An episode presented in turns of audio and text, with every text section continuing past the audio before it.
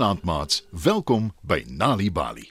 Vanaand se storie, Die Muskiet en die Kakkerlak, is geskryf deur Polani Maglasela. Skyf nader en spits julle oortjies. Een warm somersaand loop Kakkerlak stadig op die tafel in die kombuis van die huis waar hy bly. Hy eet die broodkrummels wat die gesin daar gelos het. Hulle is almal vas aan die slaap en onbewus van wat aangaan. Kakkerlak smil nog so lustig toe hy skielik 'n geluid hoor. Wat was dit? sê Kakkerlak. Hy kyk om hom rond, maar hy sien niks nie. En toe hoor hy weer dieselfde geluid. Wie maak die irriterende geluid? Fluister Kakkerlak. Ek is 'n muskiet. Wie is jy? En hoekom praat jy so sag? sê 'n stem. Kakkerlak kyk weer rond, maar hy sien geen muskiet nie. Waar is jy? Jy moet baie klein wees want ek sien jou glad nie. En vir so 'n klein gediertjie vra jy nogal baie vrae. Ek hoop jy besef ek is die baas hier. sê Kakkerlak. Muskiet gaan sit op die tafel naby die Kakkerlak. So waar. Jy dink jy's die baas hier.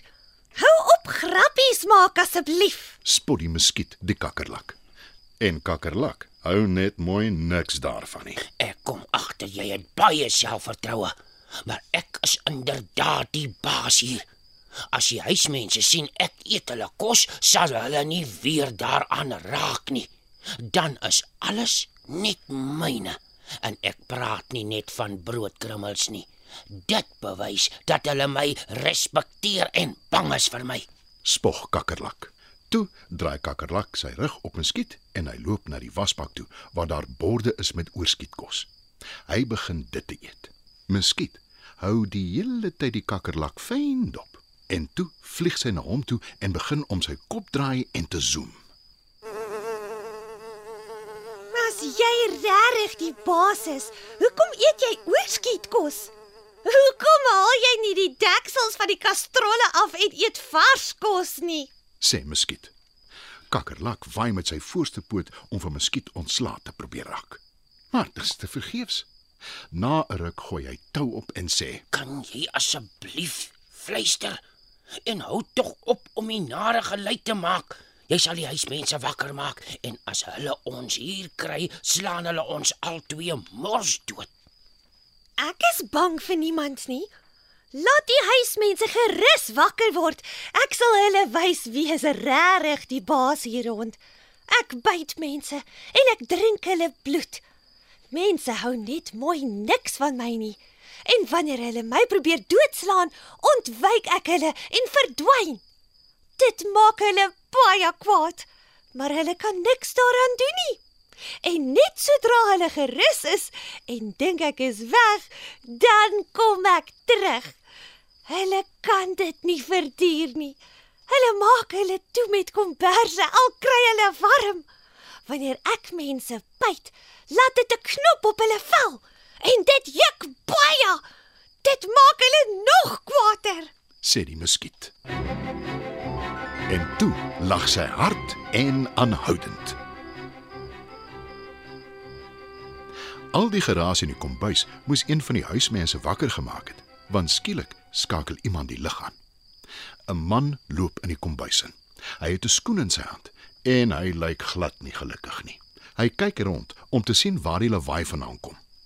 Die kakkerlak kruip vinnig weg agter die deur. Maar nie muskiet nie. Die man se teenwoordigheid pla haar glad nie. Sy maak die hele tyd haar zoomgeluide en vlieg om die man se kop rond. Hy probeer haar met sy skoen doodslaan, maar sy is skielik net weg.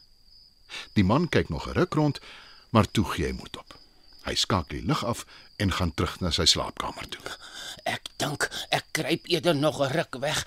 Ek is nie seker of dit veilig is om uit te kom nie.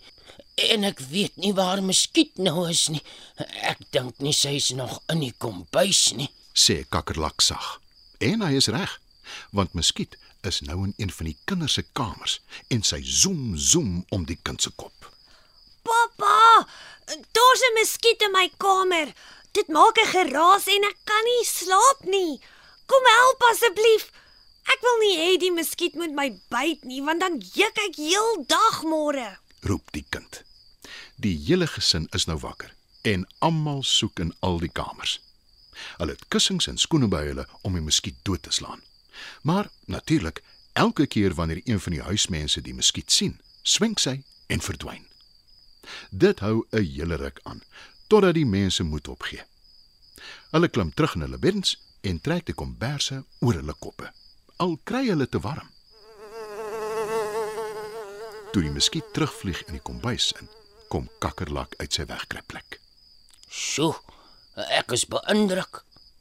Jy het al die huismense laat rondhardloop om jou te probeer vang, maar nie een van hulle kon nie. Jy het hulle almal uitoorlê. sê kakkerlak vir muskiet. Ek het jou gesê ek is bang vir niemand nie.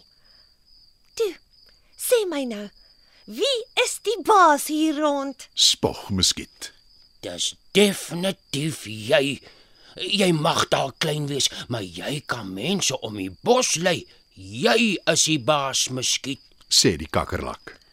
Ek is bly ons stem nou saam daaroor. Sê muskiet trots. Van nou af kan jy my roep as die mense jou enige moeilikheid gee. Voeg sy by. Baie dankie. Antwoord kakkerlak en skarrel weg om nog oorskietkos te soek. Van toe af is kakkerlak en muskiet beste maats. En hulle werk saam om die huismense soveel as moontlik te uitoorlê. Maats, ek hoop julle het lekker geluister na vanaand se Nali Bali storie, Die muskiet en die kakkerlak, geskryf deur Pulani Maglasela. Die storie is aangebied deur die Nali Bali Leesvergenot veldtog in samewerking met Standard Bank en SABC Education.